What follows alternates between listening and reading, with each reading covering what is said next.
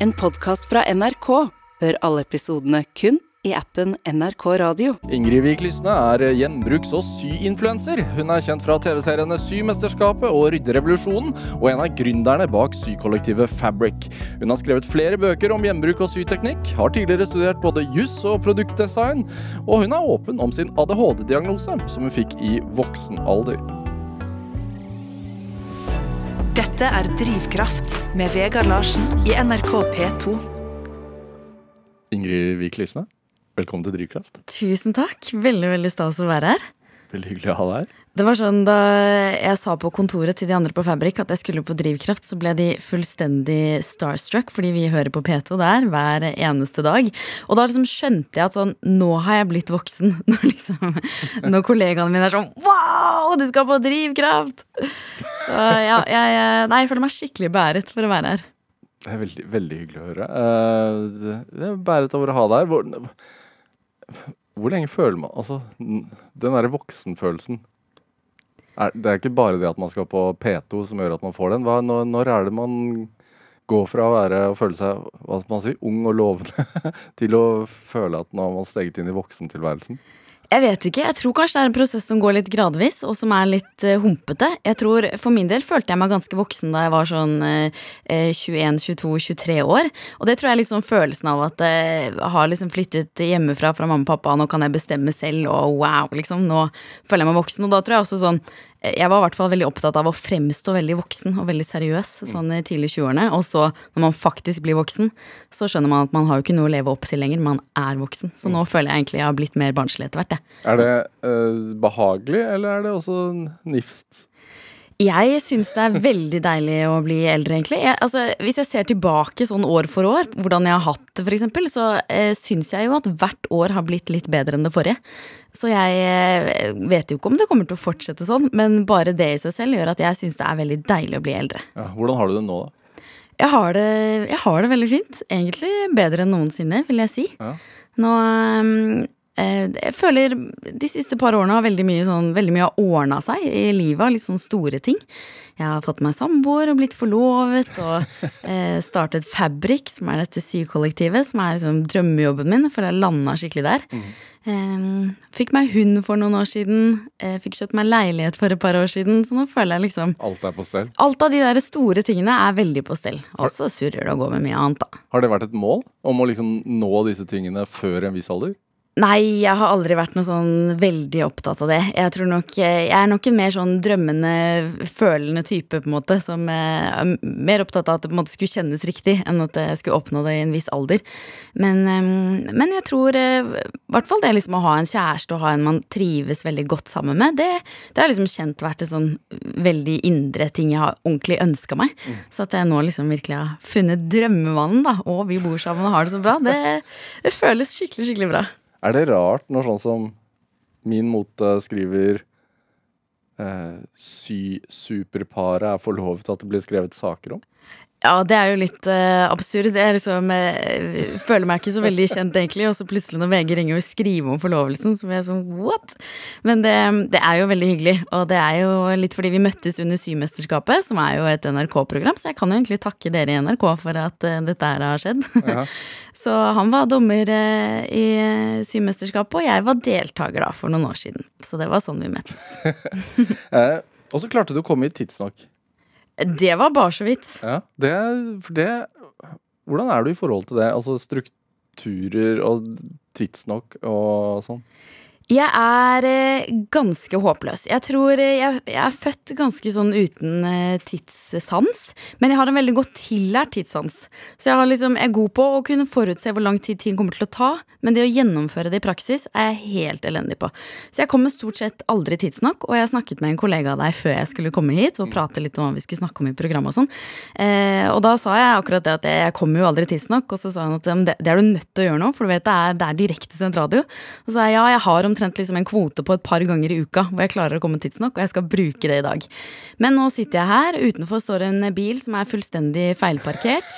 Eh, paraplyen er slengt fra seg i sofaen utenfor sammen med jakka mi, og eh, ja, jeg rakk det, men det var bare så vidt. Dette er Drivkraft med Vegard Larsen i NRK P2. Og i dag er eh, gjenbruks- og syinfluenser Ingrid Vik Lysne her hos meg i Drivkraft på NRK P2. Altså dette Fabric, da, som du, hvor du jobber, det er jo jobben din. Det er jobben min, ja. Hva er dette her for noe? Fabrik er eh, Dere lager podkast? Vi lager podkast, vi lærer folk å sy i sosiale medier. Eh, vi lager symønstre, som er liksom syoppskrifter, eh, med maler på hvilke deler du skal klippe ut, som du da kan sy sammen til et plagg. Og så lærer vi folk da å lage nye klær, eh, helst da av brukte tekstiler. Så gamle gardiner og laken, og deadstock-materiale også, da. Vi har også hatt noe samarbeid med f.eks. Bytimo ESP, som er norske klesmerker. Så vi ønsker jo å lære folk sy, og det er da meg, og så er det Jenny Skavlan, Mari Nordén og Ingrid Bergtun. Så vi er jo folk som har drevet med søm. Litt sånn på hver vår eh, øy en lang periode, så har vi kommet sammen, da. Og skapt fabrikk. Er det Er det marked for dette her? Det er det. Vi føler jo litt nå at vi på en måte pløyer litt veien, kanskje, eh, og på en måte skaper et marked. Altså, Symarkedet har jo vært der lenge, og helt fra eh, man kan se tilbake på 50-60-tallet, hvor, eh, hvor de store mothusene som Chanel og Dior og sånn, de ga ut, i tillegg til klærne som var ferdigsydd, ga de ut symønstre, sånn at folk hjemme kunne sy seg en Chanel-drakt, eksempel selv. Så dette med symønstre og sying har jo vært noe vi har drevet med så lenge vi har brukt klær, hvis man skal dra det så langt tilbake. De gjør ikke det lenger. At man ikke syr lenger. Nei, også sånn som de motu, altså Chanel og sånn legger jo ikke ut mønstrene lenger. Det gjør de ikke lenger. Det gjør de ikke. Det er nok fordi det er færre som syr, og også kanskje fordi jeg vet ikke, de tjener kanskje mer penger på at eh, folk kjøper de ferdige klærne. da. Um, men sying har på en måte Sying har litt hoppet over en generasjon. For hvis man tenker min bestemorgenerasjon Jeg tror mormor sitter og hører på. Hallo, hallo, mormor. Så sydde hun jo da klær til min mor og hennes søsken. Hva heter mormoren din? Mormor heter Kari. Ja, så hyggelig. Ja. og det er mormor, eh, takket være mormor egentlig at jeg syr, for jeg fikk låne symaskinen hennes hjem eh, da jeg var liten, og det var den jeg lærte å sy på. Så mormor hun eh, har jo da sydd klær til mamma og hennes søsken, og det var mye av økonomiske grunner, for det var en billig måte å få tak i klær på. Eh, og da de ikke hadde så mye penger, så var det det som måtte til. Og det har jo gjort at mamma og, og hennes generasjon, da, de har jo vokst opp med at kjøpeklær var det kule. Eh, Så mamma liksom drømte om å ha en kjøpeboblejakke, og en, ikke en boblejakke som mormor hadde sydd. Så jeg tror mamma og, og hennes venninner og sånn, der er det mange som ikke har vært så opptatt av å sy, for det var en ting mødrene drev med, og som de ville liksom opponere litt mot da de ønsket seg kjøpeklær. Og så har det liksom kommet en ny generasjon nå som jeg tror syr av helt andre grunner. For det er ikke nødvendigvis eh, en måte å få tak i billige klær på. Eh, og det er egentlig mest fordi at klær generelt har blitt så utrolig billig. Eh, så det, på en måte, når du skal kjøpe stoff og sånn, så er det ikke nødvendigvis at det blir billigere, men En T-skjorte på en, en vanlig klesbutikk koster 99 kroner. Altså sånn. Det er akkurat det.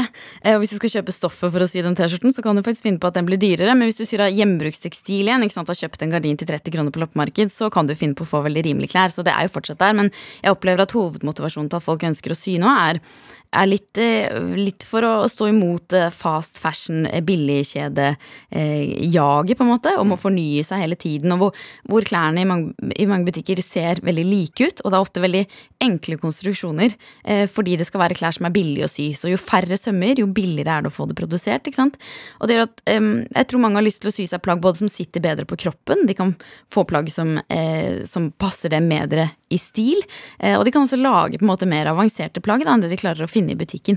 Og så er det mange også som ønsker å sy fordi man skjønner at det overforbruket som vi holder på med nå, er eh, forferdelig skadelig for jorda. Og klesindustrien er en av de aller mest forurensende i verden. Eh, Så jeg tror også det er et ønske om å på en måte sakte ned det tempoet litt, da. eh, Og få et tettere forhold til klærne sine, rett og slett. Hva med deg, da? Nei, jeg startet å sy, for jeg tror jeg bare har en sånn her eh, kreativ liksom, kraft i meg, som helt fra jeg har vært liten har bare eh, veldig lyst til å komme ut. da. Så jeg, jeg var sånn type som sydde liksom, dukkeklær og barbieklær og lagde typ akvarier av gamle skoesker, lagde spill med, med noen regler og sånn som egentlig ikke hang helt på greip, men det var på en måte alltid et eller annet jeg holdt på å lage. da. Det var bilder, og det var hekling, og det var strikking. Og aldri vært så veldig glad i å følge oppskrifter. Det var stort sett ting jeg fant på selv, så jeg har jo brukt utrolig mye tid på å lære meg å sy. Hvilke plagg var du mest stolt av som barn? Eh, hva er jeg mest stolt av som barn? Jeg, jeg sydde mye om. Eh, så jeg husker eh, Jeg hadde Jo, nå, nå kom jeg på det. Jeg hadde sett Jennifer Lopez på, i Se og Hør på en rød løper på en eller annen filmpremiere eller noe sånt nå. Og hun hadde på en sånn grønn kjole med skyhøy splitt og bare kjempeutringning. Og, liksom, og jeg var tolv år og tenkte at wow, det der vil jeg også ha. Eh, og man kan jo si at en sånn kjole passer jo kanskje ikke helt til en tolvåring, men jeg insisterte, da. Så jeg gikk opp i skapet, og der hadde vi liggende noen gamle gardiner fra noe leiebord vi hadde hatt tidligere, og, og gamle gardiner jeg hadde hatt på barnerommet mitt. Eh, så av noen gardiner da som var rød, knall rød, fra Ikea, tror jeg, med sånn gule, kjempesterke stjerner, ganske barnslige gardiner, så sydde jeg altså en lang, smal kjole med skyhøy splitt og sånne tynne, tynne spagettistropper for å se ut da som Jennifer Lopez. Ble den brukt? Jeg, eh, den ble faktisk aldri brukt. Og det er ikke fordi den ikke fungerte, for det er ganske imponert når jeg ser på den kjolen i dag. Men altså når du er tolv år, hvilke eventer er det man inviteres på hvor man kan gå i en åletrang kjole med kjempehøy splitt og spagettistropper? Det egner seg jo ikke, ikke i noe som helst bursdagsselskap, noe som helst juleselskap noen gang. Det er jo en altfor sexy kjole for en tolv år gammel jente, liksom. Så av den grunn ble den aldri brukt, men jeg har den fortsatt. Den henger hjemme hos mamma og pappa. Er det ikke sånn skoleball og sånn i Bærum? Ja, men det kom litt senere. Det var først på ungdomsskolen og, og sånn. Så det, da var den, da hadde jeg vokst ut av den. Er det altså sånn eh, Fabric, da, eh, dette kollektivet deres. Mm. Eh, hvordan, hvordan er en helt vanlig dag på jobben? Det varierer uh, veldig, men nå er vi akkurat i innspurten med å, å designe og gi ut et mønster på en julekjole. En sånn skikkelig julekjole med masse sånn draperinger og rynker og sånn. Hvis du ser det for deg, så er det liksom masse stoff som på en måte er rynket sammen og på en måte åler seg litt sånn rundt kroppen. Og den kjolen har én arm uh, og er sikkert helt nydelig å sy sånn, sånn glitterstoffer og silke og sånn. Så nå driver vi faktisk og syr for harde livet, for vi har fotoshoot om to dager. Er det én kjole? Det er, eh, vi gir ut samarbeidsprosjekt, oppskrift liksom? på en kjole. Ja. Eh, Så det er vi som har designet den sammen med følgerne våre, faktisk. Så de sendte inn masse forslag på tegninger, og mange som sendte inn tegninger med kjole med én skulder, og litt sånn smale kjole med noen rynker og sånn. Og så har vi samlet de tegningene, da, og, og designet en kjole basert på det. Og latt følgerne våre i sosiale medier også bestemme navnet, da. Så dette er et litt sånn kjærlighetsbarn, egentlig, mellom følgerne våre og oss. Ja. Så det vi gjør da, er at vi selger jo ikke selve plagget, men vi selger oppskriften på plagget. For det er sånn når du syr, du kan se litt for deg at det er som en, en matoppskrift med steg. Em, men i en matoppskrift så uh, står det jo, mens det der står to teskjeer sukker, uh, så er du nødt til for å på en måte ha et erme på et plagg, så trenger du en mal. Så det er egentlig en stor papirmal eh, med en form. Som man betaler for f- Det betaler du for. Ja. Eh, så vi selger da PDF-mønstre, så du printer det ut selv. Så det er et digitalt produkt det vi selger. Eh, men du printer altså ut mønsteret og teiper sammen ark. Og så kan du legge da malen på stoffet og klippe rundt, og da har du et erme, et forstykke, et bakstykke, og så viser vi da steg for steg. Også vi skriver oppskriften, men vi har også videoer eh, på Instagram som da viser hvordan du syr det, og så kan du sy et plagg. Så jeg tror liksom, eh, Selv om sying og det å selge syoppskrifter og sånn har folk drevet med lenge, så tror jeg um, det vi liksom prøver og har lyst til å gjøre annerledes, da, er å litt ta det med til en yngre generasjon som, som bruker annet eh, sosiale medier og sånn på en annen måte. Og også egentlig litt sånn dra nytte av det mediet, som er at man kan dele videoer. Fordi sying er jo en enormt visuell ting, um, og det er veldig noe du har i fingrene dine. Så at det på en måte er en oppskrift i tekst med steg for steg, det er jo eh, noe man måtte gjøre i gamle dager fordi man ikke kunne sende hverandre videoer like lett. da. Eh, mens nå når det går an å lage video av det, så gir det også muligheten til at veldig mange som aldri har sydd før, kan lage ganske avanserte plagg, fordi man kan henge med på videoen og gjøre sånn som vi gjør på videoen. da. Og så kan en nybegynner da veldig kjapt bli flink til å sy. Og sånn som eh, jeg som startet å sy som tiåring, eh, og gikk aldri på noe kurs, lærte egentlig aldri av noen, fordi jeg bare jeg hadde så lyst til å lage mine egne ideer, jeg ville ikke bli forstyrret av det, så jeg satt jo og brukte jo årevis ikke sant, på å lære selv de enkleste ting, for jeg skulle finne ut av det selv, ved å se på plagget jeg hadde i skapet, se på en glidelås da, og en gylf på buksa, hvordan er den egentlig sydd, og så skjønte jeg det kanskje ikke helt, men så så jeg på en annen type glidelås, og så skjønte jeg hvordan den var sydd, og så gradvis lærte jeg. Um, mens nå liksom eh, ønsker vi å tilgjengeliggjøre det mye mer. da, Og jeg ser jo, det er jo helt fantastisk å se. Det er jo folk som aldri har tatt i en symaskin før, som syr helt fantastiske ting. Og syr plagg av tepper, eksempel, som de, som de kan gå ut og bruke liksom dagen etter at de var ferdig. Så det er eh, Kommuniserer de med dere igjen, da? Så, så det er en slags De får, sender ferdigproduktet til dere? Sånn, se hva vi fikk til? Ja, veldig mange legger ut i sosiale medier, og det er jo litt et eget eh, sy-community i sosiale medier, hvor man legger ut bilder, enten, og mange oppretter sine egne profiler på Instagram, som bare er syprofiler, hvor de legger ut det de har sydd og sånn. Og så har vi også en egen Facebook-gruppe, og det blir liksom et sånn samhold rundt der hvor man, man både hjelper hverandre og lar seg inspirere av hverandre, og hvor det ikke blir flaut å legge ut sånn 'se på meg, se på hva jeg har fått til', fordi eh, du liksom gjør det til en gjeng som heier på deg, da. Så det, det er noe fantastisk ved det. Hva, hvorfor ikke bare gjøre dette aleine? Hva er fordelen med å være fire? Fordelen med å være fire er jo egentlig at vi bare Vi får gjort så mye mer. Jeg tror eh, Vi har sittet veldig på hver vår tue og prøvd å lære folk å sy i sosiale medier. Eh, og holdt sykurs og sånn, alle sammen. Og skrevet bøker og mm, Og så var det egentlig tilfeldighetene skulle ha det til at vi eh, trengte lokale samtidig. Og så hadde vi møttes litt på kryss og tvers. Jeg og Ingrid Bergtun var deltaker i Symesterskapet samme sesong, hvor Jenny var gjestedommer.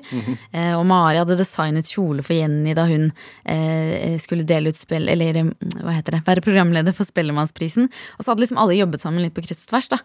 Og så var det litt sånn når vi kom sammen og det er sånn, dette er sånn jeg nesten kan bli religiøs av, selv om jeg i utgangspunktet ikke er så religiøs. For det var som om det bare var en sånn energi som gjorde at det slo helt sånn fyrverkeri. Så planen om å om bare dele lokale ble jo liksom forkastet etter første møte. Og uten at vi egentlig har hatt, satt oss ned og hatt noen strategi eller bestemt oss noe for å starte Fabrik sammen, så bare skjedde det. Plutselig hadde vi opprettet et selskap, um, og alle la liksom karrieren sin litt på hylla bare for å gå inn i dette selskapet, fordi det var en sånn helt sånn vibrerende energi som jeg bare føler meg skikkelig heldig som får oppleve. Det er jo sånn noen ganger møter man noen folk som man bare er helt på bølgelengde med, og man bare kjenner sånn wow, vi har så mye til felles, og dette bare er en slags connection her, liksom. Eh, og det følte jeg bare skjedde med oss, og det at vi i tillegg da hadde muligheten til å liksom begynne å jobbe sammen. Eh, og bare bruke liksom den energien til å få til noe mye større sammen. da. Det var jo helt konge. Så det, det føltes jo som, selv om vi var liksom åtte hender som kom sammen, så føltes det som om vi var 100 hender plutselig. Så vi får liksom får gjort mye mer da, og dratt nytte av hverandre på en ja, deilig måte. Og så er det jo deilig å være flere. ikke sant? Jeg da hadde jeg jo jobbet alene et par år. Um, og studert liksom alene. Og det ble, det ble jo ensomt. Jeg skaffet meg til og med hund, fordi det var litt ensomt rett og slett å jobbe så, så på egen hånd. Um, så det å ha kollegaer, og det er jo, skal ikke undervurderes det. Og når du liksom i 100% grad har valgt dine egne kollegaer i tillegg, og de er liksom bestevennene dine i tillegg, så blir det jo helt Nei, vet du hva. Jeg skulle ønske alle kunne ha det sånn. Det er helt fantastisk. Hva er de største gründerutfordringene? De største gründerutfordringene våre tror jeg nok er at vi alle er litt sånn frie, kreative sjeler som eh, liker å liksom holde på som vi vil, og er liksom veldig motivert, tror jeg, av det derre å lage fine ting og inspirere andre til å se potensialet i den gamle duken de fant på loppemarked, f.eks. Um, og det går rundt, vi klarer å tjene penger på det, men ingen av oss er liksom eh, tenker penger først, på en måte. Mm. Så eh, jeg tror nok um, litt det der å, å, å ja, legge en strategi og videreutvikle Fabrik til hva det kan bli. Men, vi, men vi er, altså det skorter jo ikke på ambisjon, for vi ser jo for oss ja, ja, vi skal ha kontor i Hongkong. Og, altså jeg, vet, jeg vet ikke hvorfor vi har tenkt liksom Hongkong, men der skal det være et kontor. Og, og vi tenker jo at dette skal bli verdensomspennende. Ja, hva, Eh. som, ok, hva skal skje i Hongkong, da? Sånn, Nei, vi tenkt? ser for oss kontorer rundt om i hele verden, vi, hvor mønstrene våre er oversatt til ulike språk, og vi har eh, forskjellige syinfluensere i forskjellige land som lager videoer på disse mønstrene, og at Fabrik blir en sånn her, eh, svær hjembrukssyglede. Altså liksom egentlig et sted å gå til for alt som har med sying å gjøre. Da. Om det er mønstre, om det er inspirasjon, om det er gjenbruksstoffer. Eh, ja, et sted folk kan gå egentlig for å, for å Ehm, både finne liksom masse skaperglede og mestringsglede i å få til å sy, um, men også, uh, også få et mye mer bærekraftig klesforbruk, da, rett og slett. hvor viktig er det? Altså bærekraftbiten. For oss eh, er det veldig viktig, og for min del startet det vel egentlig Jeg ble dratt litt tilfeldig i den retningen, fordi jeg begynte jo som sagt å sy av de gamle gardinene og, og dukene og sånn som vi hadde liggende hjemme. Og så skjønte jeg på et tidspunkt at det, dette er jo mye mer bærekraftig enn å kjøpe nye stoffer. Og igjen mye mer bærekraftig at jeg lager klær av noen gardiner som blir liggende her, enn at jeg kjøper nye klær. Um, og så ble liksom gnisten litt sånn tent i meg at sånn, ja, men det er jo dette vi må gjøre. Det er jo det som er løsningen. Vi må ta vare på det vi allerede har.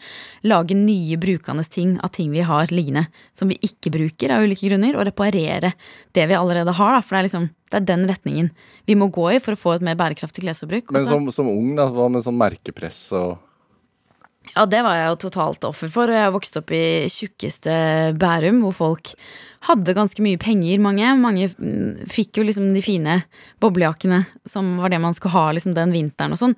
Um, men hvor det selvfølgelig ikke var alle som, som hadde mulighet til det, eller ikke hadde råd til det, eller hadde foreldre som var strenge. Så jeg Hvordan var det hos dere? Nei, jeg hadde foreldre som var ganske strenge. Og liksom eh, Og ikke nødvendigvis Nei, og ikke de rikeste foreldrene heller, på en måte. Og jeg vokste opp i et miljø med, med mye folk i privat næringsliv og sånn som hadde mye penger. Og min mamma og pappa de er lege og professorer og veldig eh, høyt utdannede, flinke folk begge to, men jobbet i det offentlige, da. Um, og vi var tre barn, og det var overhodet ikke fattigslig, misforstå meg rett, men, men sammenlignet med de som hadde boblejakker til liksom 4000 kroner da, da, så var jeg var overhodet ikke der. Og jeg husker liksom jeg sa til mamma at jeg hadde lyst på en bukse som kostet 1000 kroner. Og jeg, liksom, jeg hadde mast lenge, og til slutt så fikk jeg det, liksom. Eh, Fordi det var en sånn Tiger of Sweden-bukse, som var liksom det, skulle, det var det merket alle skulle ha da, da, da jeg gikk på ungdomsskolen. Um, Men jeg husker liksom mamma og pappa som syntes jo det var helt det var helt tullete. De skjønte ikke poenget med at jeg skulle ha bukse til 1000 kroner. Så det var så bortkastet. Så jeg kjempet litt liksom, for å ha noe merkeklær for å prøve å passe inn. da. Men jeg tror det også gjorde at det gikk en sånn litt sånn faen i meg. For jeg var sånn Hvorfor, liksom, hvorfor er det dette som skal avgjøre om jeg føler meg bra eller ikke? Eller om jeg har innpass i gjengen, liksom. Det er jo ikke Jeg husker liksom følelsen at jeg hadde fått en sånn eh, Og hva heter det merket? Ja, nå husker jeg ikke um, Nei, ja, nå kommer det ikke til meg. Men det var en boblejakke som alle skulle ha. En sånn rød boblejakke med noe stor sånn skrift bakpå og en sånn fake pelskrage. Em, og eh, den skulle liksom alle ha den vinteren, og så husker jeg hadde ønsket meg en skikkelig. Jeg tror jeg fikk den til jul. Eh, og var liksom veldig glad for sånn yes, ok, da følte jeg meg liksom lettet. Nå har jeg den i boblejakken, og blir det liksom greit å gå på skolen og sånn. Og så kom jeg på skolen på nyåret og hadde på den jakken, og så bare følte jeg liksom ingenting. Det var sånn, Jeg syntes ikke den jakken var spesielt fin. Eh, jeg passet inn i gjengen, men jeg var litt sånn Hva så? Det ga meg jo egentlig ikke noe. Jeg syntes den boblejakken var altfor kort. Jeg ble kald av den. Hadde ikke så veldig lyst til å ha den på meg. Og da begynte jeg liksom å kjenne sånn Hva Hvorfor gjør jeg egentlig dette?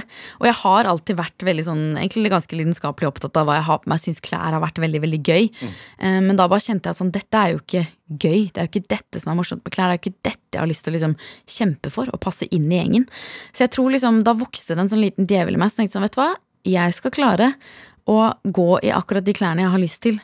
Og fortsatt bli på en måte akseptert av de andre. Og jeg skal kose meg med det og ha det gøy. Em, og da begynte det liksom med at jeg begynte å gå på Fretex og handle. Og da følte jeg også at jeg hadde hacka systemet litt. For det er jo sånn når du, mm, når du er ung og får lommepenger, så har du jo ikke all verdens å rutte med. Og jeg husker jeg hadde liksom, sikkert på ungdomsskolen 200 kroner i uka i lommepenger. Em, og da tar det jo litt tid å spare opp før du har råd til noe særlig klær, da. Men så skjønte jeg at hvis jeg gikk på Fretex, kunne jeg få sant, kjoler og topper og bukser til 89 kroner. Så plutselig da kunne jeg gå liksom en handletur dit og ha fått meg liksom en ny garderobe. Istedenfor å ha måttet spart mange mange, mange, mange, mange uker og måneder da, for å få råd til den boblejakken som alle andre hadde. Sa du det? At det var fra Fretex? Eller var det en Nei, godt, godt skjult hemmelighet? altså jeg kjøpte jo litt på Fretex, og litt sydde jeg selv, og laget selv og redesignet selv, men jeg husker at jeg, den følelsen av at jeg håpet at ingen skulle spørre hvor det var fra. For jeg var ikke en som klarte å lyve, jeg var en veldig sånn ærlig person, så jeg visste at jeg kom til å måtte si sannheten, men jeg syntes det var veldig flaut å si at jeg hadde sydd det selv. Eh, Dette med bærekraft, altså klesindustrien er jo, som vi etter hvert uh, har skjønt og lært, en av de, liksom, de verste eh, miljøfiendene. Eh, du var jo nylig med i en sånn demonstrasjon foran Stortinget. Ja. Hva var dette her for? Det var jeg. Eh, nei, dette var en demonstrasjon som var eh, initiert av eh, Switch, som er en nettavis som skriver mye om, om miljøsaker.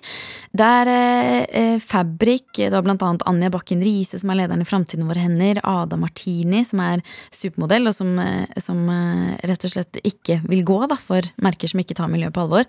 um, og en gjeng andre folk, Tina Saltvedt blant annet, som er eh, bærekraftsjef i Nordea. Så det var liksom folk som, som bryr seg veldig om å få til en endring, da. Eh, som marsjerte i klær som var gitt bort av folk, helt, eh, helt brukende klær, som var, eh, som var donert vekk, for å snakke med politikerne og liksom oppfordre dem til at vi i Norge kan gjøre noe da, mm. for å ta for oss dette enorme problemet. Og så er det det er på en måte så mange sider av det. Fordi det er både det at man kjøper eh, At man kjøper mye klær, og den enorme måte, etterspørselen vi da gir ut i markedet ved at vi kjøper klær, gjør at det produseres vanvittig mye. Og i produksjon så er det jo eh, Det er liksom et av de verste kjemikalieutslippene i verden kommer jo fra eh, klesproduksjon. Eh, det tar fantastisk mye ressurser. En jeans krever blant annet 800, 8000 unnskyld, eh, liter vann å produsere, og det er liksom enorme ressurser som går med, men så eh, har man også på en måte den siden av det når man mottar plagget eh, og bruker det, så er det eh, De aller fleste plagg bruker vi jo ikke. Eh, Så vi kvitter oss med enorme mengder tekstiler, som igjen blir et stort avfallsproblem. Og så tror jeg em, lenge så har på en måte gjenbruksbransjen og sånn em, Det har jo på en måte fungert sånn at man har donert klær, men ikke i så store volumer. Som gjør at når man donerer til Fretex, ikke sant, så donerer man jo egentlig til en, um, til en bedrift som, uh, som jobber for å, å hjelpe folk tilbake i arbeid. Ikke sant, og som gir folk som er i vanskelige situasjoner, en jobb å gå til. Og det var på en måte starten på Fretex.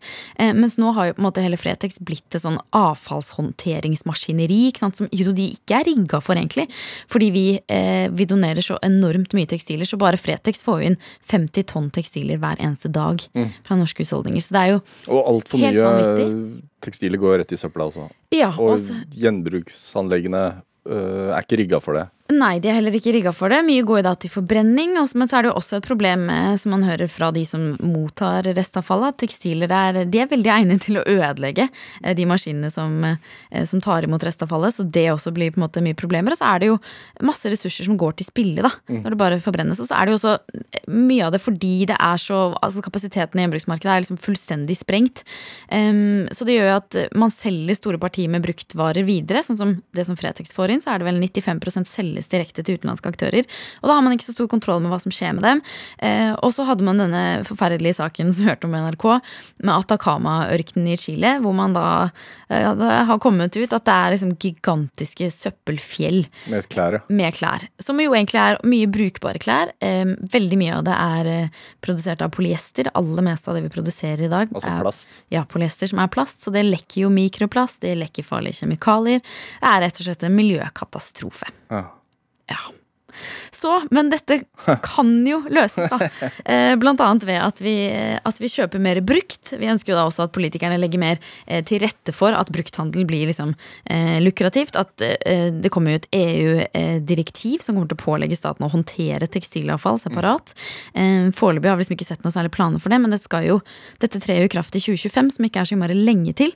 Um, så vi ønsker jo egentlig bare å få eh, det problemet med tekstilavfall og det enorme klesforbruket vi har da på dagsorden, og håper jo veldig da at Norge kan være et slags foregangsland da for håndtering av tekstiler. Du var jo eh, med som medprogramleder, ja, eller hva man skal kalle det, i Rydderevolusjonen. Ja. Eh, som, hvor dere da reiste hjem til folk og ryddet opp. Hos mennesker som trengte det. ja. Ha, har folk mye klær? Folk har eh, veldig mye klær. Eh, jeg tror liksom Klær er jo en av de tingene Noe av det første vi begynner å bruke penger på. Eh, så det er liksom noe av det første vi begynner å forbruke, og også noe vi forbruker mye. Og jeg tror eh, har, altså, vi behandler jo klær veldig nesten som en forbruksvare. Eh, både fordi mye klær er så billig, og også fordi det er måte lett å kvitte seg med. Så også i rydderelasjonen så, så vi at det var folk som hadde veldig veldig mye klær. Og, og noe som for gjorde inntrykk på meg, var på besøk hos en familie. Eh, som hadde, altså Inne på soverommet der så var det ganske sånn klassiske skyvedørsgarderober med speil. Seng i midten og et skap på hver side. En til far i huset og en til mor i huset. Eh, og den var eh, tjåka fullt med klær alt sammen.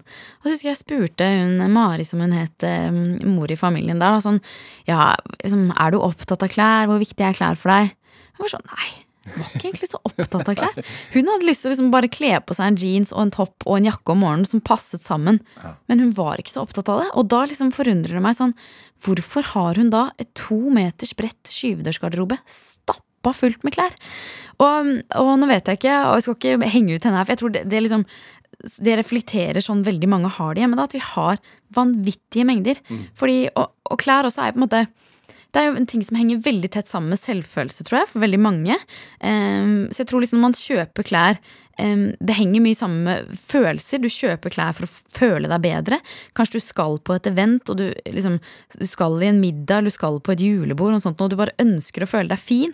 Liksom mange tror jeg kjøper klær litt for å trøste seg selv. Jeg tror vi sammenligner oss selv mye med klær, fordi det er så i fjesene våre hele tiden. Vi møter hverandre hver eneste dag med klær på. Så det blir en veldig sånn sammenligningsting som gjør at, at man også man har lyst til å være like fin eller ha de samme klærne eller se lik ut som de man møter. Og også at vi blir veldig inspirert av hverandre. Det er lett å se wow, han hadde sånn genser, ja, det var litt tøft. Og så går man hjem og så kjøper man seg en lik en. Um, Hvordan ser ditt klesskap ut? Mitt klesskap, det er så dumt at Nei da. Nei, jeg eh, er også en storforbruker av klær. Men eh, jeg Og jeg vet ikke helt om dette er et helt vanntett argument, men i hvert fall, jeg har liksom tenkt opp igjennom at, at det, hvis man bare kjøper brukt, eller lage klær av gamle, brukte tekstiler, så bidrar man ikke til nyproduksjon, på en måte. Så det har liksom blitt rettferdiggjort, da. Ja. eh, For min egen del, at jeg har mye klær, men jeg kunne også godt klart meg med mindre. Så jeg har et ganske lite eh, klesskap. Som er, jeg kjøpte en gammel leilighet med noe gamle klesskap. Sånn, sånn innebygde klesskap. Um, så ikke sånn moderne med lys og sånn smoothe skuffer og sånn. Det er eh, skikkelig harde skuffer og mørkt inni der. Og, ja. eh, så der er det masse rot. Stappa fullt. Jeg har til og med kjøpt sånne kleshengere som er sånn i metall. Helt, helt smale kleshengere. For å få plass til mest mulig. Ja, det synes jeg. Ja, nei, så det er ikke Hvorfor er det sånn, da? Hvor mange plagg trenger man egentlig? Man trenger jo ikke veldig mye plagg. Og det er eh, en del som jeg har hjulpet litt folk, bl.a. i Rydderevolusjonen, med å, å få en kapselgarderobe. Og det er det ganske mange som sverger til, særlig folk som, eh, som gjerne vil se bra ut, men ikke har på en måte den store lidenskapen for klær. Da. Og det går egentlig ut på at du har veldig få plagg. Det er noe som heter Prosjekt 333, som er en formel man kan følge, hvor man eh, eh, finner fram av alle klærne man har, velger man ut 33 plagg, og det inkluderer liksom vanter og yttersko eh, og alt. da. Undertøy eh, er det mange som velger å holde utenfor. Og så eh, velger man gjerne da ting som passer litt sammen i farge. Det hjalp hun samme som jeg snakket om Mari i Rydderevolusjonen med det. Så valgte vi ut litt sånn brun og beige og grønn, for det var farger hun likte. Eh, og da hadde vi liksom noen bukser, noen topper, noen eh, jakker og noen gensere. Eh, og alt passet sammen. Så hun skulle da i tre måneder bare ha de 33 plaggene og bruke det. Og da er det jo nok en veldig befriende følelse at når du kler på deg da, så er det sånn du kan omtrent kle på deg i blinde, og det blir et ok antrekk uansett. Og så legger man da vekk resten av klærne, og når det har gått tre måneder, så kan man ta det fram igjen. Så kan man finne 33 eh, nye plagg, da. Ja. Som kanskje passer mer til den sesongen. Og det også er jo mm, Veldig mange trives eh, Tror jeg nok hadde trivdes eh, med å leve på den måten. Men det også krever på en måte at man har et litt sånn bevisst forhold til klær, som jeg tror veldig mange av oss på en måte ikke har. For da, da må du jo ordentlig sette deg ned og tenke ikke sant? hva er det jeg setter pris på med plagg. Hvorfor liker jeg denne buksa her? Hvorfor er dette blitt yndlingsgenseren min? Og ofte så bare har vi en yndlingsbukse og en yndlingsgenser, men uten å reflektere så mye over hva er det som gjør det? Og det er kanskje at halsen på den genseren er akkurat passe høy. Så den liksom den føles dekkende, men den klør ikke, f.eks. oppi halsen. Eller kanskje er det den buksa at sånn Den føler jeg sitter fint på, men det er fortsatt behagelig å sitte i den. ikke sant? Og det kan være eh, my mye sånne ting vi liksom ikke tenker så mye over hvorfor vi liker det. Er at lomma det var akkurat den størrelsen at mobilen gikk nedi der uten at den ble for klumpete. ikke sant?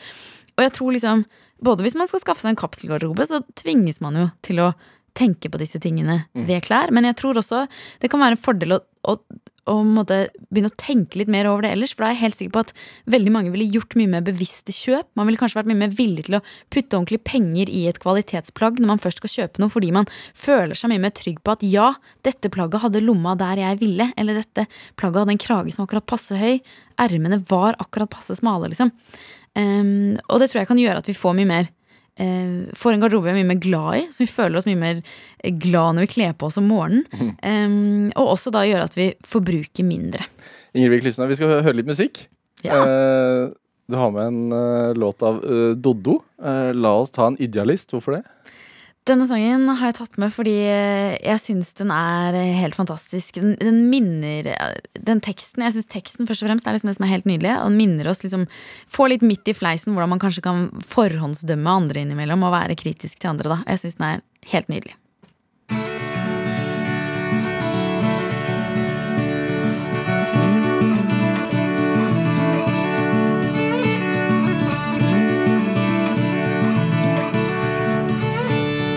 Oss ta en idealist La oss ta de som kom hit sist. La oss ta de som ligger nede. La oss ta de som ikke er til stede. La oss ta de som glor, og de som mangler ord. La oss ta de med langt hår, og de som snakker språk vi ikke forstår. La oss ta de deprimerte. La oss ta de prostituerte.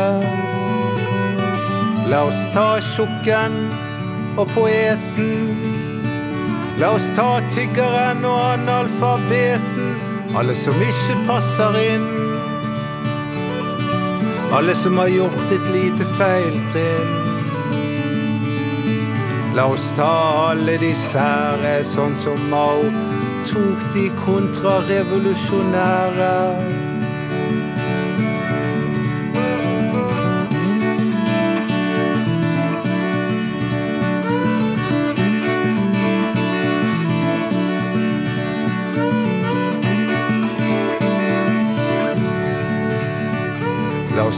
Kvinner som vil. La oss ta de som dekker seg til. La oss ta hun høye og hun lave. Og hun med det asiatiske opphavet. Og hun med små bryst. Og hun som viser lyst. La oss kalle hun en madrass. Kom, la oss sette alle kvinner på plass.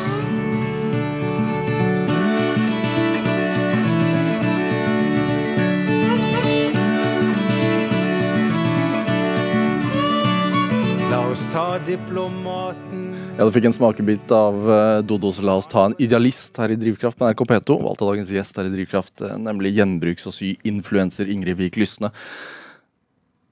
Sitter her og prater om søm og idealisme og gjenbruk og sånn nå, men eh, altså Vi har vært så vidt innom det. Du er fra Bærum. Ja. Eh, hvem var du som barn? Jeg var eh, et barn som mye ikke hadde det spesielt bra, egentlig. Um, og det har ikke noe med oppveksten min å gjøre, tror jeg. det hele tatt. Jeg har liksom vokst opp i en veldig god familie med mamma og pappa og mine to brødre. Og, og hadde gode venner eh, og sånn. Men, eh, men jeg var eh, veldig engstelig. Veldig, veldig sjenert.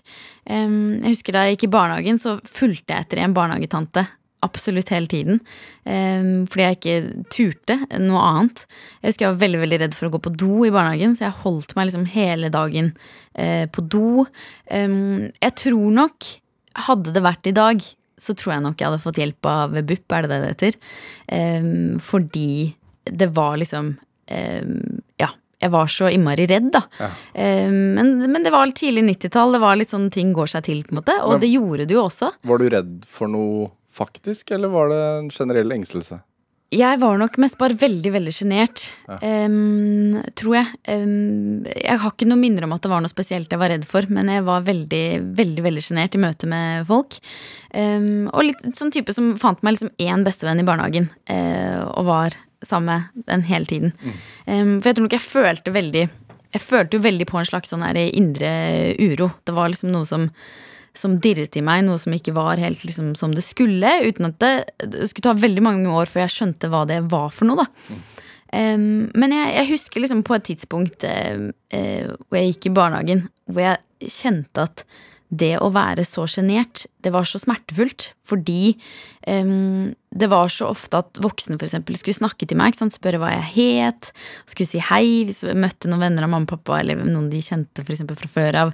Uh, det var så ofte liksom Jeg skjønte jo at alle ville at jeg skulle løpe ut og leke med de andre barna, ikke sant? men så var jeg så sjenert. Jeg syntes det var så skummelt. Um, så jeg husker jeg tenkte bare at livet hadde vært så mye lettere hvis jeg bare ikke var så sjenert. Så jeg husker følelsen at jeg bestemte meg for at sånn jeg kan ikke være så sjenert, jeg må slutte. um, og så uh, husker jeg ikke helt akkurat hvordan det utartet seg, men jeg husker jeg bestemte meg for at nå må jeg bare kaste meg ut i det. Jeg må bare bestemme meg for at dette er ikke skummelt, dette liksom må bare gå, da. Uh, og så eh, gjorde jo det at jeg ble en mer utadvendt person etter hvert. Tvang deg selv til det? Tvang meg selv til det. Eh, og er jo på en måte egentlig i dag veldig Veldig, veldig glad for det. Jeg tror jeg oppfattes som en veldig sånn utadvendt person som er liksom sprudlende og glad og liker å snakke med folk og sånn. Og det, det gjør jeg jo også, så jeg er jo egentlig veldig glad for at jeg som veldig liten tok på en måte det steget og bestemte meg for det. Um, men så føler jeg nok også at, eh, at jeg har eh, to sider. da En som er utenpå meg, en som er inni meg. Fordi inni meg er jeg nok Fortsatt har jeg liksom en side av meg som er veldig, veldig sjenert, da. Um, så ja, nei, så det Men oppveksten på en måte surret og, og gikk. Jeg var nok ganske sånn Ja, var smart som liten. Lærte veldig fort å lese. Var nysgjerrig, hadde lyst til å lære ting eh, rundt meg. Og hadde foreldre som var veldig flinke til å ta meg med på ting og lære meg ting. Eh, så jeg kunne mye, liksom. Eh, og syns også da jeg begynte på skolen og sånn at det var veldig lett. Jeg husker, liksom, husker følelsen i første klasse at jeg kunne jo lese fra før. Og så kom vi der, og vi fikk en bok hvor vi skulle lære bokstav for bokstav. Det var én bokstav i uka. Og jeg husker følelsen at jeg bare sånn Kødder du med meg? Skal vi lære én bokstav i uka? Og jeg kunne jo allerede stave og lese og skrive. ikke sant? Så jeg husker jeg var, Det liksom gjorde meg litt sånn motløs. Jeg gledet meg til å begynne på skolen, og så var det bare dette er tempoet vi skal gå i. liksom. Em, så mye av barneskolen syns jeg jo eh, gikk jo på en måte veldig lett. Uh, og, og for min del ble det jo liksom litt det derre Men samtidig utfordrende da, å kjede seg. Ja, jeg tror nok jeg på en måte Jeg kjeda meg mye, men jeg, var veldig opptatt av å lære opptatt av å gjøre det bra. For jeg var litt sånn ok, men hvis man likevel bare skal være her, da, og, og ting går et mye tregere tempo enn det jeg ønsker meg, eh, så får jeg bare finne mine egne utfordringer i det. på en måte Så jeg var nok ofte en som rakk opp hånda og stilte liksom litt ekstra vanskelige spørsmål til lærerne. Eller jeg ville alltid forstå hvorfor. Det holdt ikke for meg å skjønne at liksom skjønne eh, reglene bak prosentregning. Jeg måtte liksom skjønne ordentlig hvorfor. Sånn at typ, hvis jeg hadde glemt formlene for P er lik D ganger hundredel på H, eller hvor det var, det er mulig jeg sa den formelen feil nå. Eh, så hvis jeg hadde glemt det, som jeg nå kanskje hadde nå, eh, så kunne jeg klare å tenke meg til den formelen selv.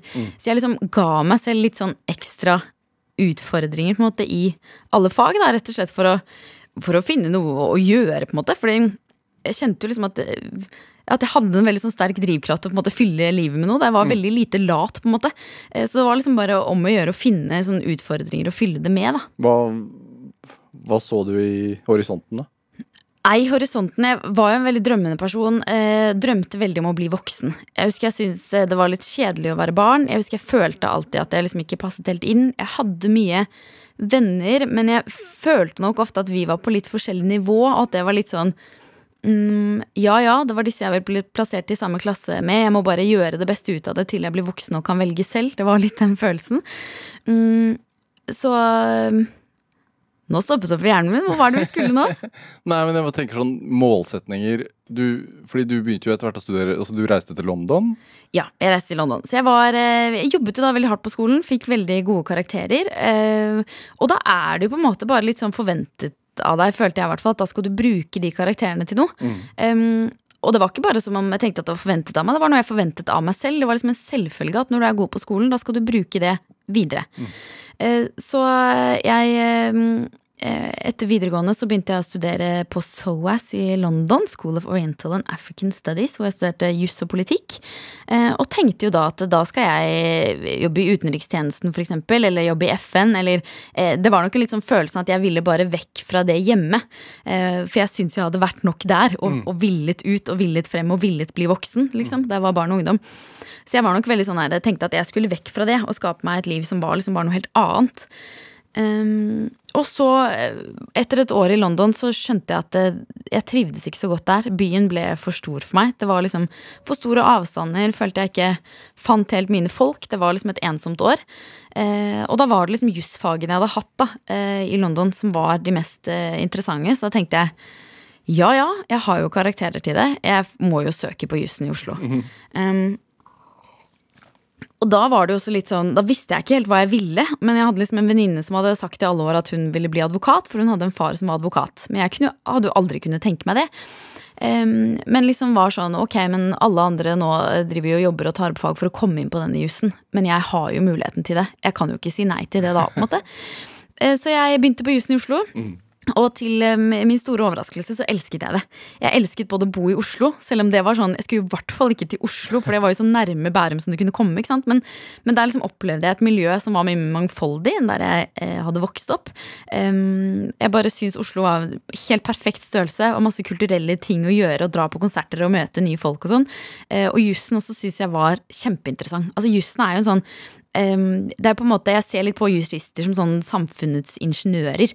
Og bare det å se på en måte hvordan jussen har bygd opp en sånn samfunnsstruktur eh, som gjør at, har gitt oss rettigheter og gjør at folk liksom kan klare seg og, eh, og liksom, ja, gjør at vi har et så velfungerende samfunn. da. Det syns jeg bare var kjempespennende. Men, men dette med Fordi du fikk jo ADHD-diagnose i voksen alder. Det gjorde jeg. Gikk du da på juss her i Oslo, eller? Jeg gikk på jussen da. Da hadde jeg Men var eh, det liksom Hadde du hatt en mistanke? Jeg eh, hadde hatt en mistanke. Eh, Det var, eh, Mens jeg gikk på jusen, så var det jo veldig mange flinke folk ikke sant, som kommer inn på jusen med veldig høy selvdisiplin. Eh, For det er mye folk som, De som har vært de flinkeste i klassen på videregående, ikke sant, det er jo alle de samla på ett sted. Som jo gjør jo litt med, med miljøet, men det var mye flinke folk som var flinke til å piske seg selv. Og jeg syns det var kjempehardt å sitte på lesesalen. Det er utrolig mye selvstendig studie hvor du sitter med hodet ned i en bok og er nødt til å lære deg det som står der, og forstå det, liksom. Um, men jeg trodde at hvor lenge folk ble sittende på lesesalen, det var en øvelse i å piske seg selv. Så jeg tenkte at når jeg følte meg helt ferdig etter fem timer, da følte jeg hodet var helt kokt. Jeg klarte ikke å få med meg noen ting mer. Jeg var så rastløs. Um, og jeg måtte gå hjem da. Så tenkte jeg sånn, dette er et nederlag. Hvorfor har de andre mer selvdisiplin? Enn det jeg har. Um, men så kom jeg meg på en måte gjennom, og jeg insisterte litt på sånn at hva, nå skal jeg ikke være for hard med meg selv, fordi at her går alle de flinkeste folka. Hvis jeg ikke fortsetter å være blant de aller flinkeste nå, det går bra. Selv om det var en liten sånn identitetsknekk, for jeg hadde jo alltid vært flinkest sant, på skolen, og plutselig var jeg ikke det lenger. Men jeg tenkte vet du hva, det må jeg slå meg til ro med. Dette går bra. Jeg kommer til å få meg en jobb, liksom. Um, og så levde jeg jo et liv da med studier, um, og jeg festet veldig mye. Jeg datet veldig mye. Jeg sang i kor, holdt på med trente, masse fritidsaktiviteter. Lagde liksom mine egne klær på fritiden. Var, eh, kalenderen min var helt tjåka full. Um, og så skjedde det som på en måte bare måtte skje, at det ble altfor mye, og jeg gikk skikkelig på veggen. Og det er en litt sånn, litt klassisk, sånn som man hører om andre forteller om det, at man plutselig våkner en dag, og så begynner man bare å gråte. Uh, ikke skjønner hvorfor, Jeg skjønte ikke hvorfor jeg gråt, men jeg bare gråt og gråt og gråt. Uh, prøvde å dra på universitetet eh, for å studere, og så skjønte jeg ikke det jeg leste der. Og det var en helt absurd følelse, for det var som å lese et annet språk, selv om jeg så dette er norske ord, men jeg skjønner ikke hva som står der. Jeg kunne lese liksom det, og så var jeg sånn det, jeg skjønner hva det betyr, men jeg skjønte ikke de andre ordene. Og så dro jeg hjem, og så hentet mamma meg, og da liksom bare når man ser sin egen mamma ikke sant? Det er akkurat som noen ganger så sprekker det en bil når man ser mammaen sin, så da bare begynte jeg å hylgråte. Jeg sa bare nå orker jeg ikke mer, jeg orker ikke mer, jeg er så sliten. Og da, eh, da var liksom de veldig flinke til å, å hjelpe meg å sortere, at nå måtte jeg ha mindre ting i kalenderen min, jeg skulle begynne å gjøre yoga, eh, og jeg skulle begynne å liksom bare ta det litt mer med ro, da. Og så eh, gjorde jeg jo det, men så var jo liksom utfordringen litt at selv om jeg slappet av, så ble jeg ikke noe mindre sliten. For det var like lite avslappende å ligge på sofaen som å på en måte typ være på en fest med høy musikk og masse folk. For det bare gikk som i 200 km i timen oppi hodet mitt absolutt hele tiden. Det var som en sånn vibrering i kroppen som gjorde at det var, det var vondt å ligge og slappe av. liksom. Det var bare en sånn rastløshet som gjorde at det var liksom smertefullt faktisk å ligge og slappe av. Eh, og så etter hvert da prøve å komme meg litt etter at jeg hadde liksom knukket helt. eh, så fikk jeg et par angstanfall, og liksom ikke slitt noe med angst noe særlig før eller siden. Men det gjorde da at da tenkte liksom eh, mamma og jeg at vet du hva, kanskje skulle gå til psykolog og få litt hjelp. Liksom, Nå har du hatt et par angstanfall. Så jeg gjorde det, og parallelt med det så minte min mamma meg på at jeg på ungdomsskolen hadde kommet hjem med en brosjyre fra skolen om ADHD og sagt at vet du hva, jeg tror det her kan være meg, for Hvorfor, jeg kjenner meg veldig igjen. Hvorfor hadde du trodd det? Jeg hadde helt glemt det, men det demret for meg da mamma minte meg på det. Og da husker jeg det var en sånn der brosjyre som du bretter ut, som jeg sikkert hadde fått fra helsesøster eller et eller annet sånt. Um, hvor det liksom sto sånn at du har mye indre uro, at du sliter med å konsentrere deg, at du er veldig kreativ. Det var liksom Alle de punktene var sånn Ja, det er jo for så vidt meg. Ja, det er jo meg. Eh, og så hadde jeg og mamma og pappa snakket litt om det da, men slått det fra oss, for jeg var jo flink på skolen, og ting gikk jo egentlig bra, liksom. Så, og da tenkte man jo Da var jo det man forbandt med ADHD, var jo eh, særlig gutter som skapte uro i klassen. ikke sant?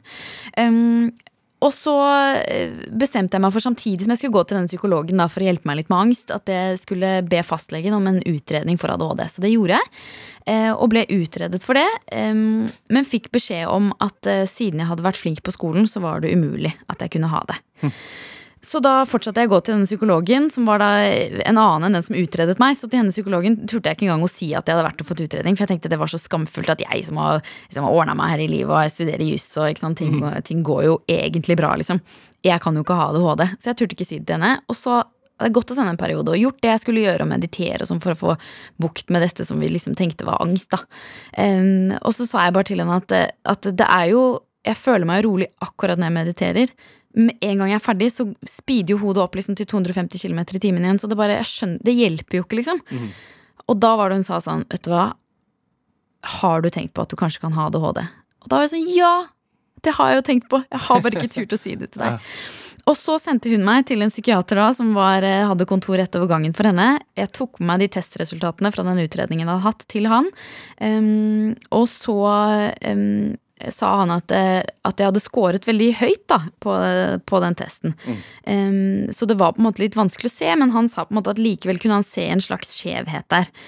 Um, så jeg satt på kontoret hans, og på det tidspunktet var jeg så sliten at jeg, jeg hadde til og med fått svikt i hypofysen i hjernen, som er en sånn hormonproduserende kjertel, for jeg hadde produsert stresshormoner For lenge. Uh, for lenge. Altfor høye nivåer av stresshormoner for lenge. Så jeg var eh, helt ute eh, og satt og snakket med han. Og eh, på et tidspunkt så ga han meg en pille og sa bare ja, da kan du ta denne her. Og jeg bare, altså hadde no, jeg sittet i et rom med en lege nå som har sagt ta en pille, så hadde jeg jo spurt hva er dette for noe, hva skal skje nå? Men jeg var så sliten at jeg bare, sånn, jeg bare gjorde som han sa, liksom, og tenkte ikke noe mer og satt og snakka videre. da. Og så plutselig, mm, etter det har gått sånn 20 minutter, så spør han sånn Du, hvordan føler du deg nå? Og da begynte jeg å lure på hva han hadde gitt meg. Så jeg var sånn, hæ, du forresten, hva var den pillen du ga meg? Hva var det? Så var jeg sånn, nei, ikke bry deg om det, bare kjenn etter, liksom. Hvordan kjenner du deg nå? Og det var en helt utrolig følelse, for plutselig så bare Det føltes som om den dirrende maskinen jeg hadde hatt nedi magen hele livet, plutselig hadde blitt skrudd av. Og det var som om istedenfor å føle at hjernen var som en TV der det sto på liksom 20 kanaler på samme tid, så kunne jeg liksom bare skru av de kanalene jeg ikke trengte. Og bare liksom fokusere på å være her og snakke med han. Og det var, det var stille, på en måte, for første gang. Så jeg var jo helt sånn Hæ, hva er det du har gitt meg? sa han. Ja, du har fått, du har fått Ritalin, som er en ADHD-medisin, da. Og så eh, var jeg bare sånn Hæ, tuller du med meg nå? Liksom, så han at dette er sånn vi andre har det, da. Og da var jeg helt sånn Du kødder, du kødder, du kødder. Jeg klarte ikke liksom slutte å spørre han om, om du kødder med meg nå. Så han sånn Nei, dette er liksom Dette er sånn Ja. du egentlig skal ha det, da. Hvordan har vi andre det? Nei, og det er jo Folk har jo det selvfølgelig forskjellig, så det, det jo, vet men ikke, men sånn Hvordan opplevde Hvordan du den det forskjellen? føltes? Ja. Nei, det var som en, en ro som plutselig kom over meg, og liksom en mulighet at det ikke føltes som alle inntrykk bare ble kasta på hodet, på øynene og ørene og nesa mi på en måte hele tiden. Så jeg bare sanset alt, liksom. Så var det som jeg bare kunne velge å skru det av. Eh, og jeg husker jeg gikk nedover gata, nedover eh, Bogstadveien i Oslo fra det legekontoret da, og hjem. Em, og istedenfor å bli forstyrret av at trikken som kjørte forbi, det kom noen gående med en hund, det var en moped, noen snakket, liksom, så kunne jeg på en måte bare velge å la det være i bakgrunnen og fokusere på at nå går jeg. Og nå ser jeg på bygningene. Og det var liksom bare en sånn fantastisk følelse av å ikke bli distrahert av sitt eget hode hele tiden. Så jeg gikk hjem og la meg på sofaen. Og så tror jeg bare jeg bare lå der og smilte, liksom. For jeg bare, og det høres ut som jeg var rusa, men jeg var ikke liksom rusa. Men det var bare følelsen av at det var avslappende for første gang i livet å ligge på sofaen og ikke gjøre noe. Og fra da av tenkte jeg sånn Nå starter mitt nye liv. Og det var starten på også at du sluttet på jus og Det var eh, starten på at jeg sluttet på jussen, for da tenkte jeg jo men herregud, dette blir jo supert. Nå skal jeg jo fortsette på jussen, og dette er jo wow, og jeg har funnet ut av dette. Men da var det akkurat som om det bare eh, var et eller annet indre i meg som bare tvang seg ut, liksom. Og plutselig så bare klarte jeg ikke å konsentrere meg på lesesalen lenger, selv om jeg gikk på medisiner.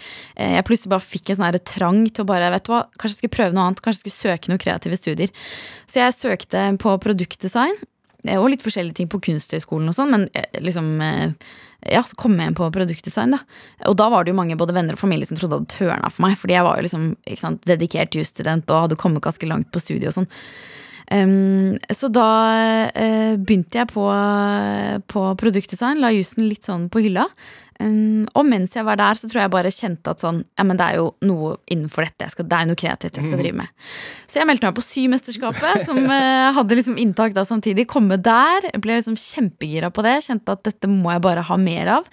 Um, og så gikk det liksom litt slag i slag derfra, og, uh, og jeg skjønte at bare det, det er jo dette livet jeg elsker, på en måte. Å kunne lage klær, være litt på TV, lære folk å sy. Så jeg egentlig bare etter det skjønte jeg at jeg må bare jobbe knallhardt for å få lov til å beholde den livsstilen her, for det er jo dette jeg elsker. Hva er det med Så- det som er så givende? da? Det er nok eh, både det å kunne gjøre noe kreativt, lage ting. Jeg har alltid liksom elsket å lage ting, og det å kunne gjøre det, kombinert med at den hverdagen passer meg, passer meg mye bedre. Istedenfor å piske meg selv til å sitte på lesesalen, lese teoretisk tekst, som på en måte egentlig for meg blir altfor lite stimulerende til at hjernen min klarer å henge med. liksom så kan jeg nå løpe litt fra ting til ting. ikke sant? Nå løper jeg så er jeg en time på radio her, og så skal jeg løpe til kontoret og være et par timer der. Og det er liksom en veldig sånn variert jobb, da, hvor jeg får gjort mye. eh, Gjort mye fysisk. Jeg sitter mye på skjerm og sitter veldig mye på skjerm og klipper film og sånn, men det liksom krever eh, Det er en mer stimulerende hverdag, tror jeg, em, enn det jeg ville hatt hvis jeg hadde sittet på kontoret og vært jurist. da. Velger du nå når du vil skru av og på ADHD-en? Eh, ikke helt. Det går eh, Det går litt i perioder, men jeg har nok lært meg mye mer å leve med det. Sånn som eh, Nå er jeg en veldig dårlig ADHD-periode. Er liksom I dag sant, kom jeg for sent, og jeg står feilparkert og har sikkert fått en bot utenfor her. For nå har jeg litt sånn jobba mye. Eh, begynner å gå litt på sparebluss. Da kommer liksom ADHD-symptomene bare slår til. Så nå merker jeg Nå er jeg skikkelig Nå er jeg veldig ADHD.